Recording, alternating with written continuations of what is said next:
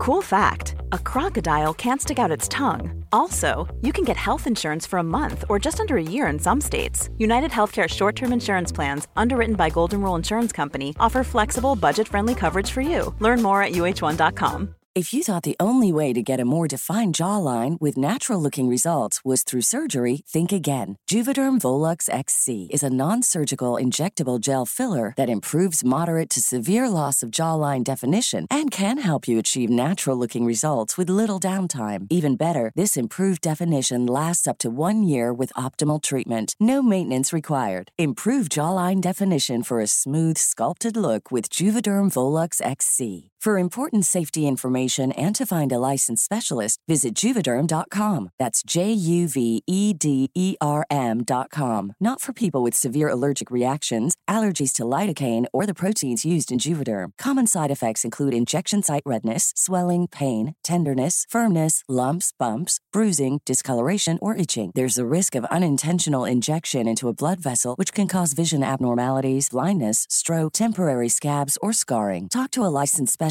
to find out if it's right for you. Quality sleep is essential for boosting energy, recovery, and well being. So, take your sleep to the next level with Sleep Number. With a Sleep Number smart bed, you can individualize your comfort level and enjoy a better sleep night after night. JD Power ranks Sleep Number number 1 in customer satisfaction with mattresses purchased in-store. And now the Queen Sleep Number C4 smart bed is only $1,599, a saving of $300 only for a limited time. For JD Power 2023 award information, visit jdpower.com/awards. Only at Sleep Number stores or sleepnumber.com. Under kvällen den 10 december 2003 inträffade två brutala mord som skakade invånarna i Sugarland, Texas. Kent Whitaker och hans äldsta son Bart överlevde skjutningarna som ägde rum vid familjens egen bostad. Och polisen gjorde allt i sin makt för att hitta den maskerade gärningsmannen som låg bakom attacken. I takt med att flera olika tips kom in till polisen började utredare rikta sina misstankar allt mer mot Bart Whitaker. Kunde han verkligen ha legat bakom morden på sin egen mamma och lillebror och mordförsöket på sin pappa? Hur gick det hela till? Vad var motivet? Och skulle misstankarna ens kunna bevisas? Det här är del två av The Sugarland Murders.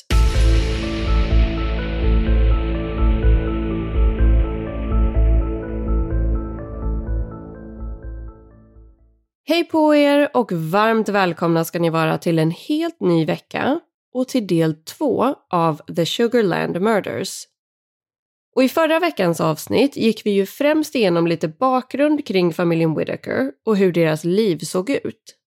Det vill säga fram till kvällen då morden ägde rum, den 10 december 2003, när alla i familjen Whitaker blev skjutna i samband med att de klev in i sitt hem i Sugarland, Texas.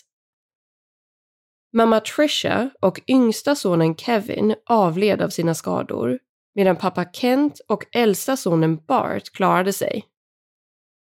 Vi pratade om att polisen spontant trodde att det var ett misslyckat inbrott men att det var flera saker som tydde på att brottsplatsen var arrangerad och att någon hade befunnit sig inne i huset och väntat på att familjen skulle återvända. Anledningen till att familjen var ute den här kvällen var ju på grund av att de ville fira Barts kommande examen från Sam Houston State University. Något som senare visade sig vara felaktig information eftersom att han inte längre studerade där och var långt ifrån att ta examen. Både Kent och den ansvariga utredaren, Marshall Slott, funderade över varför Bart hade ljugit och Marshall började nu misstänka att han eventuellt dolde fler saker för polisen. Och nu tänker jag att vi först och främst börjar med att lägga in den sista minuten eller så från förra veckans avsnitt och därefter kommer vi att gå rakt vidare in i del två.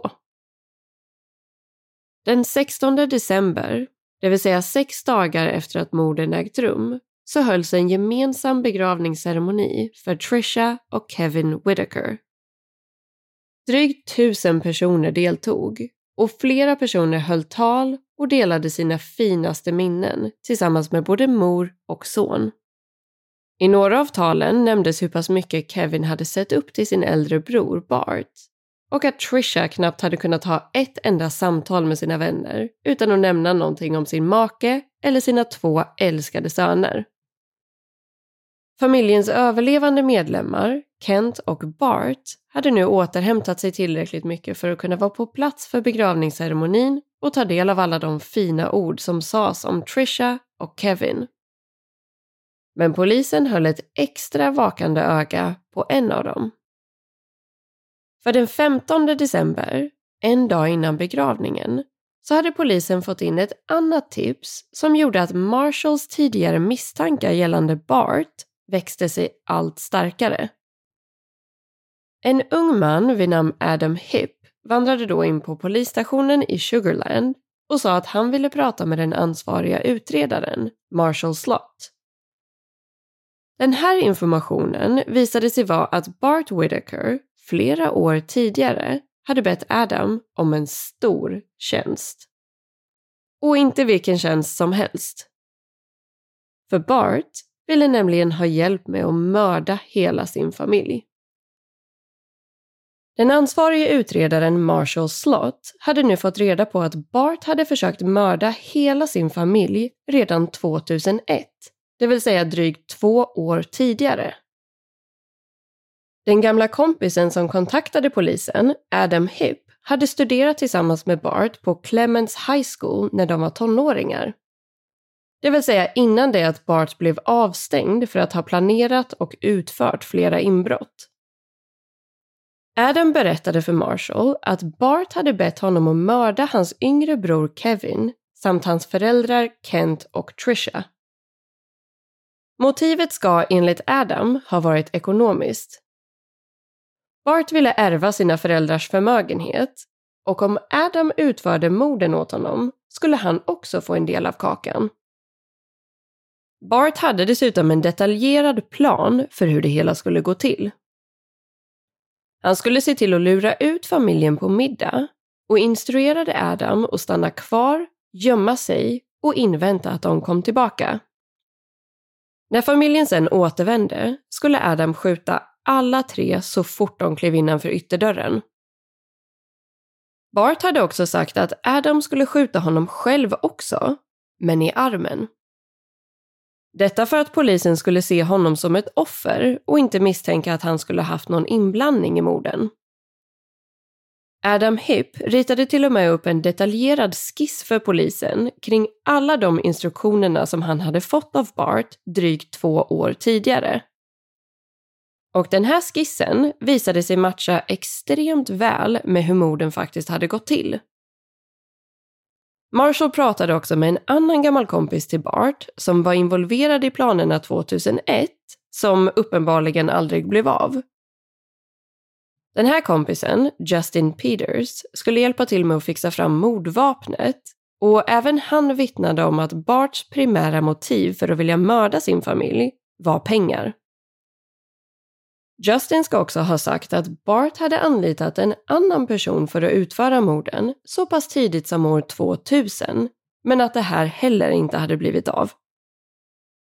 Bart hade med andra ord planerat och försökt arrangera det här under flera års tid.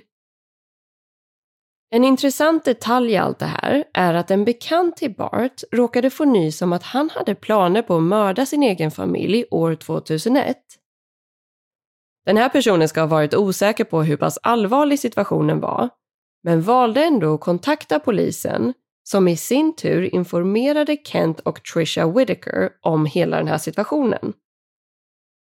De ska då bara ha avfärdat alltihop eftersom att det såklart lät helt galet. Och Bart ska ha förklarat att allting bara var ett dumt missförstånd. Så det här var ju definitivt en missad varningssignal Samtidigt som man givetvis kan förstå att Kent och Trisha inte utgick ifrån att deras egen son faktiskt skulle vilja skada dem. Men Marshall insåg ju nu att Bart troligtvis hade försökt utföra den här planen igen under kvällen den 10 december 2003 och att han den här gången hade lyckats mörda större delen av sin familj. det vill säga alla utom hans pappa Kent.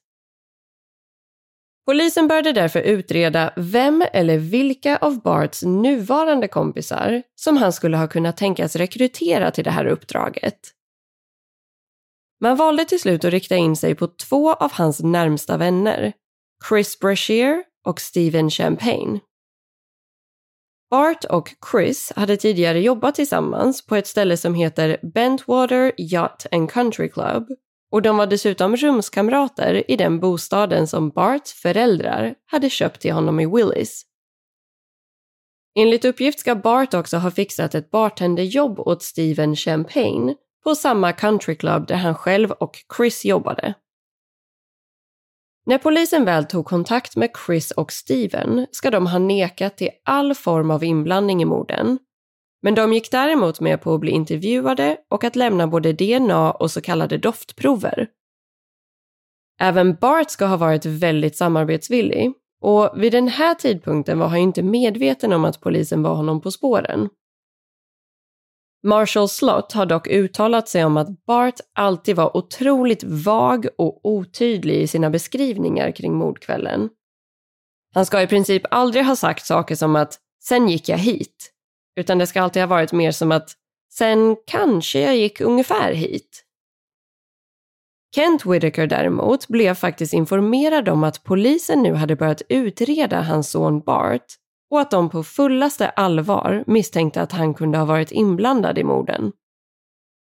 Kent ska då ha sagt att det var helt otänkbart och att Bart verkligen älskade sin familj. Marshall och hans team började däremot bli mer och mer övertygade om att Bart ska ha haft någon form av inblandning i morden. Och det dröjde inte länge innan de fick ett stort genombrott i utredningen. Polisens blodhundar matchade då ihop doftproverna från Chris med flera föremål från brottsplatsen. Hans doft upptäcktes på den svarta skinnhandsken, byrålådorna i sovrummet, kassaskåpet där vapnet hade stulits ifrån och själva mordvapnet som hade lämnats kvar i bostaden. Polisen tog in Chris på förhör och informerade om att det nu fanns bevis som kopplade honom till brottsplatsen och mordvapnet.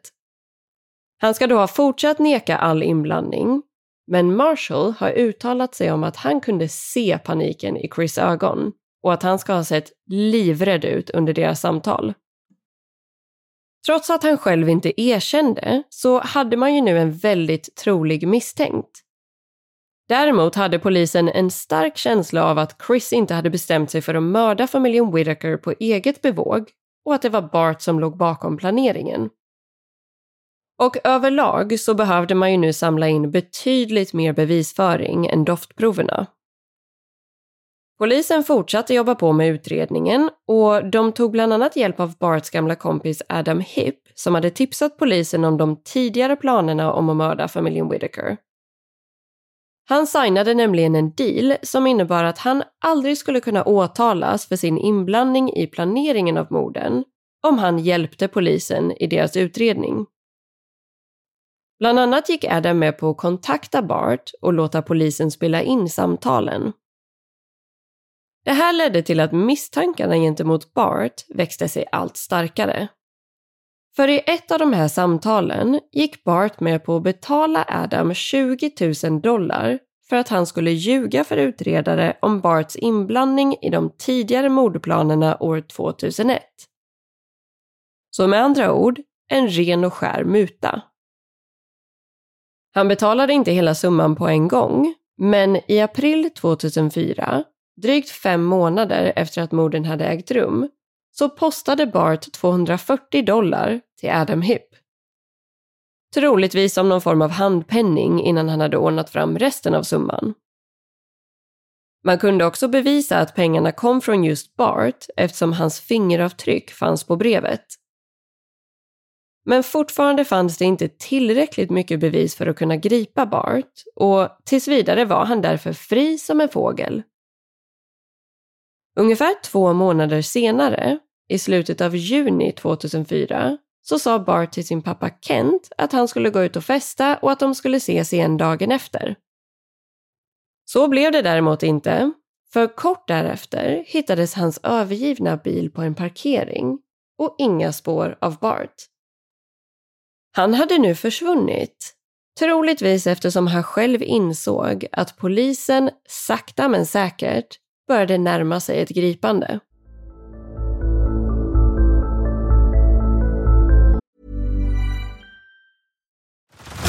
Head over to Hulu this March, where our new shows and movies will keep you streaming all month long. Catch the acclaimed movie All of Us Strangers, starring Paul Mescal and Andrew Scott. Stream the new Hulu original limited series We Were the Lucky Ones with Joey King and Logan Lerman. And don't forget about Grey's Anatomy.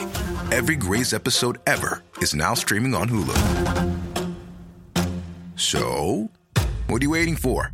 Go stream something new on Hulu.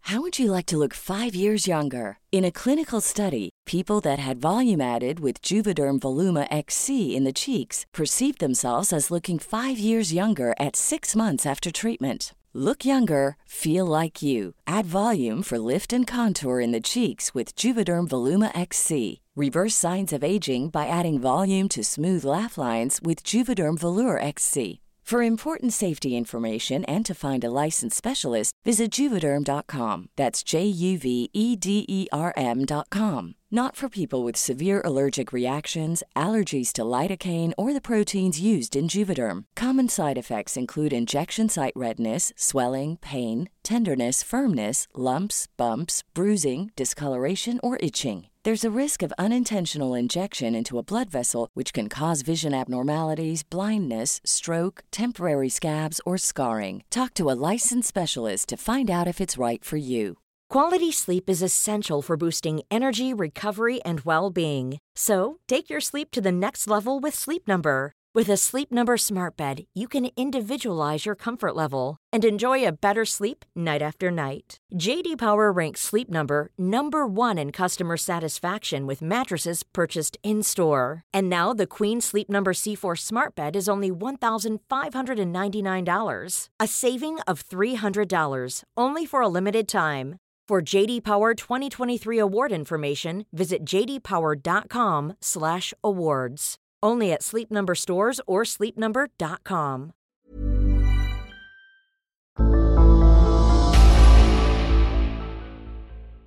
Faktumet att Bart nu hade rymt iväg var såklart ett stort problem för polisens utredning. Det här ingick inte riktigt i planen, men Marshall Slott tänkte inte låta sig stoppas och valde istället att fokusera på det han kunde och på att bearbeta sina andra misstänkta, Chris Brashear och Steven Champagne. Eftersom blodhundarna hade matchat ihop doftproverna från Chris med själva brottsplatsen så var det ju troligtvis han som faktiskt hade utfört morden. Polisen hade fått tillåtelse för att avlyssna Chris och Stevens mobiltelefoner och hade en förhoppning om att de skulle avslöja mer information om mordkvällen eller om vart Bart nu befann sig. Men dessvärre så gjorde de aldrig det. Utöver avlyssningen så togs de in på ännu fler förhör och både Chris och Steven insåg mycket väl att de såg som misstänkta i utredningen och att polisen inte skulle ge sig bara för att Bart nu hade lämnat Sugarland. Allting drog däremot ut på tiden ganska rejält och nu hade mer än ett år passerat sedan Barts försvinnande. Men i slutet av augusti 2005 kom nästa stora genombrott i utredningen. Steven Champagne hade då fått nog av hela den här situationen och valde därför att boka ett möte med Marshall Slott. Där och då erkände han att han hade varit inblandad i morden på Trisha och Kevin Whitaker. Steven hade varit chaufför under kvällen, Chris hade utfört morden och Bart hade planerat allting in i minsta detalj. Efteråt hade Steven och Chris tagit sig till den närliggande sjön Lake Conroe för att dumpa bevismaterial. Steven ledde polisen till platsen där de hade dumpat sakerna och ett dykarteam lyckades till slut få upp väskan ur vattnet. Där i låg allt som en utredare någonsin hade kunnat drömma om. En vattenflaska med vad som senare visade sig vara Chris Brashears DNA på insidan av korken. Den andra svarta skinnhandsken som passade ihop med den man hade hittat på brottsplatsen. Ammunition som var av exakt samma typ som ammunitionen man hade hittat i mordvapnet. Två mobiltelefoner som man senare kunde bevisa att Bart hade gett till Chris och Steven för att använda under mordkvällen. Slutligen låg det också någon form av mejsel i väskan och det var det verktyget som Chris hade använt för att bryta sig in i familjens kassaskåp för att komma åt mordvapnet. Det här kunde man bevisa eftersom att det fanns små, små färgflagor på den här mejseln som kunde matchas ihop med färgen på kassaskåpet. Det här var egentligen allt som behövdes och kort efter erkännandet greps både Steven Champagne och Chris Brashear för morden på Trisha och Kevin Whittaker. Problemet var nu bara att man fortfarande inte visste var Bart befann sig. Men bara ett par veckor senare, i mitten av september 2005, så tog polisen återigen emot ett väldigt hjälpsamt tips. Den här gången var det en gammal kollega till Bart som ville prata med Marshall och som förklarade att han visste vart Bart befann sig. Den här kollegan hette Rudy Rios och han berättade att Bart hade sagt till Rudy att han kände sig pressad av polisen och att han nu behövde komma iväg. Rudy förklarade då att han hade familj i Mexiko och att han kanske kunde hjälpa honom att ta sig dit. De ska sedan ha kommit överens om en deal som innebar att Bart fick köpa Rudys legitimation och att Rudy sen skulle köra ner honom till den lilla staden Ceralvo i Mexiko. De ska däremot inte ha varit särskilt nära vänner och när Rudy fick reda på att det nu delades ut en ersättning på 10 000 dollar för information som kunde leda till Bart Whitaker så hade han inga som helst problem med att lämna över honom till polisen. Med tanke på att Bart försvann redan i juni 2004 så hade ju han varit borta i mer än ett år vid det här laget. Under den här tiden hade han skapat en helt ny tillvaro i den lilla staden Seralvo. Som startkapital hade Bart med sig 7000 dollar i kontanter. Pengar som han hade stulit från sin pappa Kent. Han hade använt sina grundläggande spanska kunskaper och lyckats skaffa sig både ett jobb och en flickvän som hette Cindy Lou Salinas. Jobbet var på en möbelbutik i staden och det var Cindys familj som ägde verksamheten. Bart, eller Rudy Rios som han hette i Mexiko, var dessutom väldigt omtyckt bland befolkningen i staden. Cindys familj tyckte att han var väldigt duktig på sitt jobb och de ska verkligen ha välkomnat honom in i deras liv och fått honom att känna sig som en del av familjen. Bart ska till och med ha sagt något i stil med att de var familjen som han själv aldrig hade haft.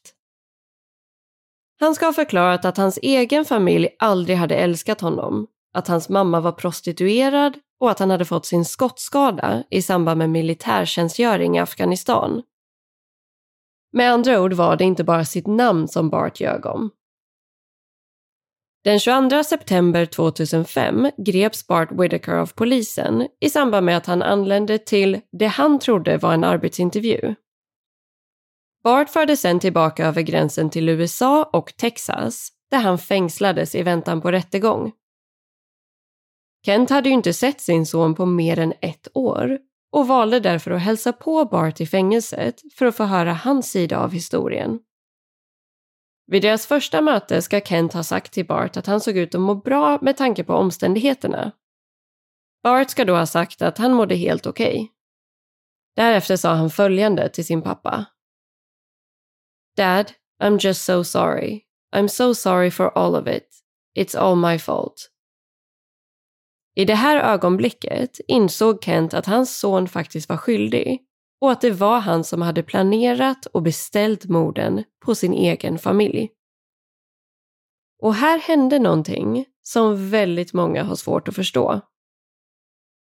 Kent valde nämligen att förlåta sin son för allt som hänt och skulle nu bli den personen som kämpade hårdast av alla för att Bart skulle slippa dödsstraffet det här var ju trots allt Texas, en delstat som inte direkt är känd för att vara överdrivet sparsam med sina utdelningar av dödsstraff.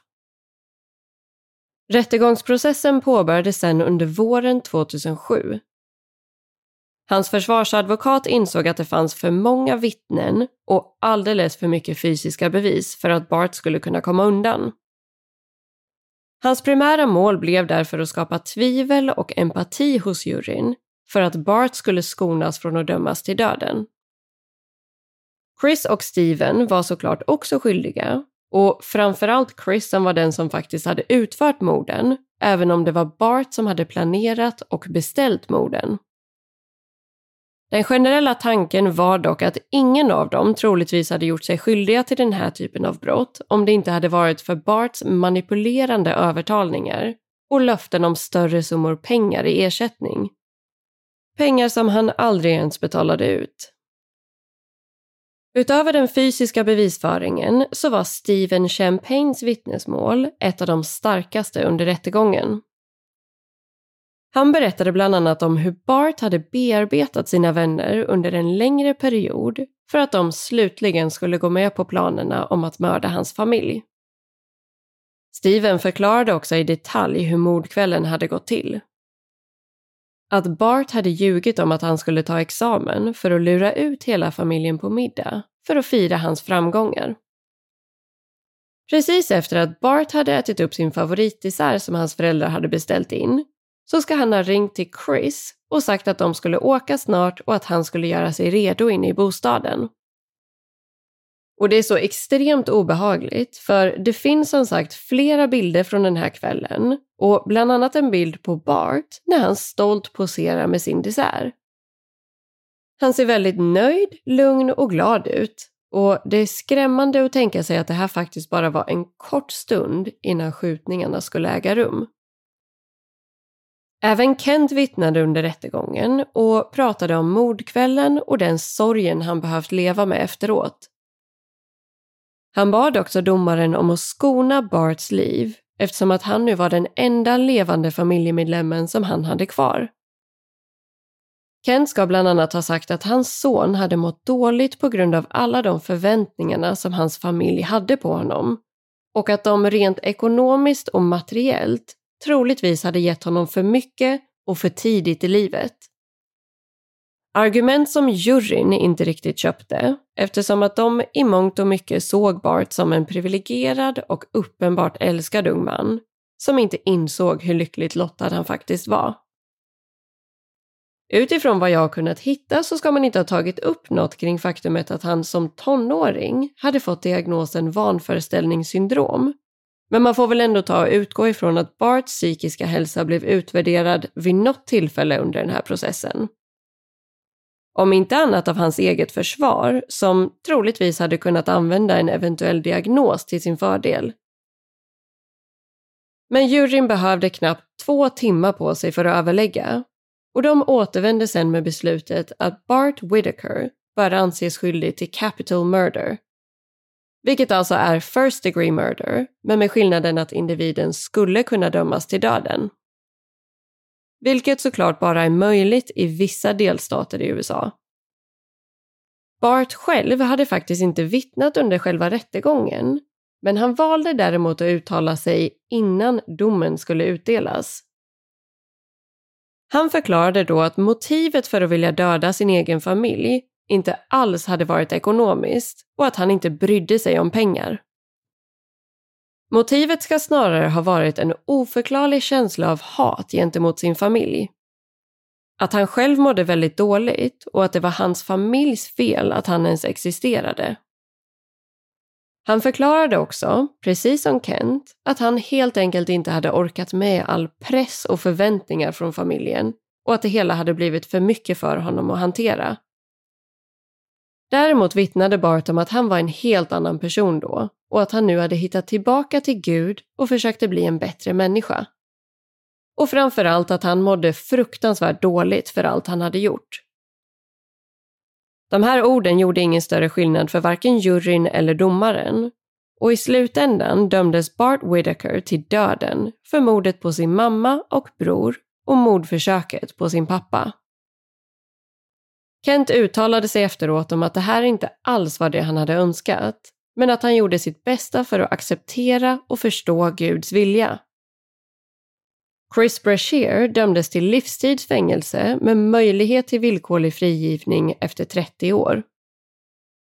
Stephen Champagne fick ett betydligt lindrigare straff eftersom att han bara hade agerat chaufför under kvällen och på grund av att han hade erkänt, samarbetat med polisen och vittnat mot både Chris och Bart under rättegången. Han dömdes därför till 15 års fängelse och har idag blivit frisläppt. Åren passerade, Bart försökte överklaga sin dom utan större framgångar och till slut bestämde man att hans avrättning skulle äga rum den 22 februari 2018. Kent Whitaker fortsatte kämpa för att hans son skulle få sitt straff omvandlat till livstidsfängelse. Men saker och ting såg inte särskilt ljust ut.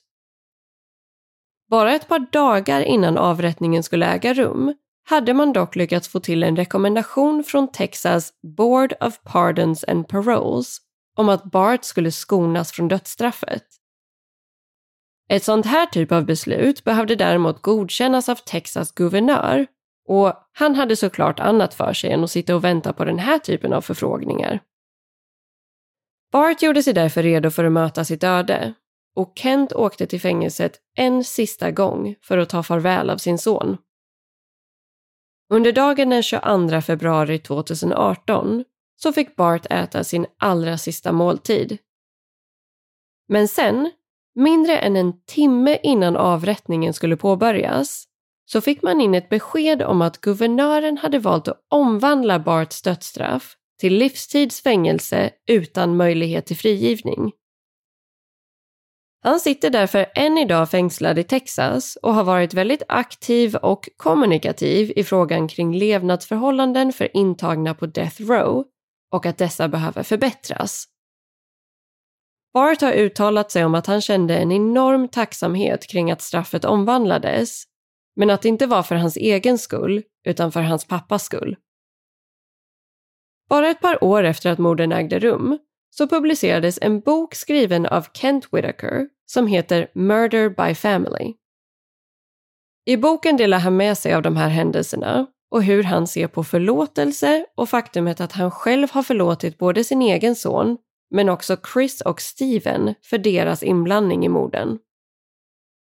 Kent gifte senare om sig och han och hans nya fru brukar också resa runt och föreläsa för andra om den helande kraften i förlåtelse.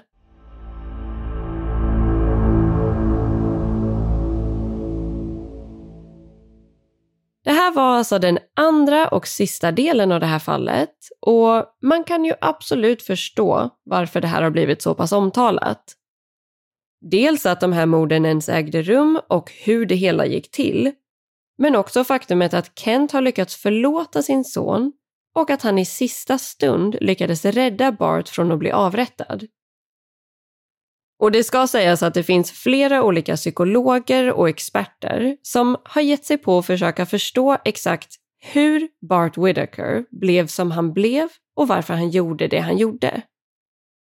Det finns också uppgifter om att han senare under sin tid i fängelset ska ha gjort olika typer av psykologiska tester och utvärderingar och misstänks lida av diverse olika diagnoser.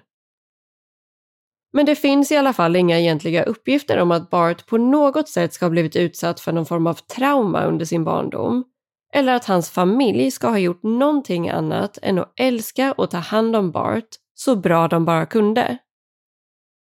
Sen kan man såklart aldrig veta vad som pågår bakom stängda dörrar och i andra människors liv. Men det verkar i alla fall inte som att motivet faktiskt skulle ha varit kopplat till det. Det är såklart väldigt svårt att förstå hur det egentligen låg till och hur det kunde gå så pass långt som det gjorde den där kvällen i december 2003. Väldigt många, inklusive den ansvariga utredaren Marshall Slott, är helt övertygade om att Bart Whitaker helt enkelt är en sociopat med bristande empati och en överdriven självkänsla och arrogans. Och att det här tragiskt nog gick ut över hans familj. Men oavsett vad så hoppas jag verkligen att ni har tyckt att det här fallet har varit intressant att ta del av och att vi hörs igen redan nästa vecka. Så tills dess säger jag helt enkelt tusen tack för att just du har valt att lyssna på det här avsnittet av Rysapodden. podden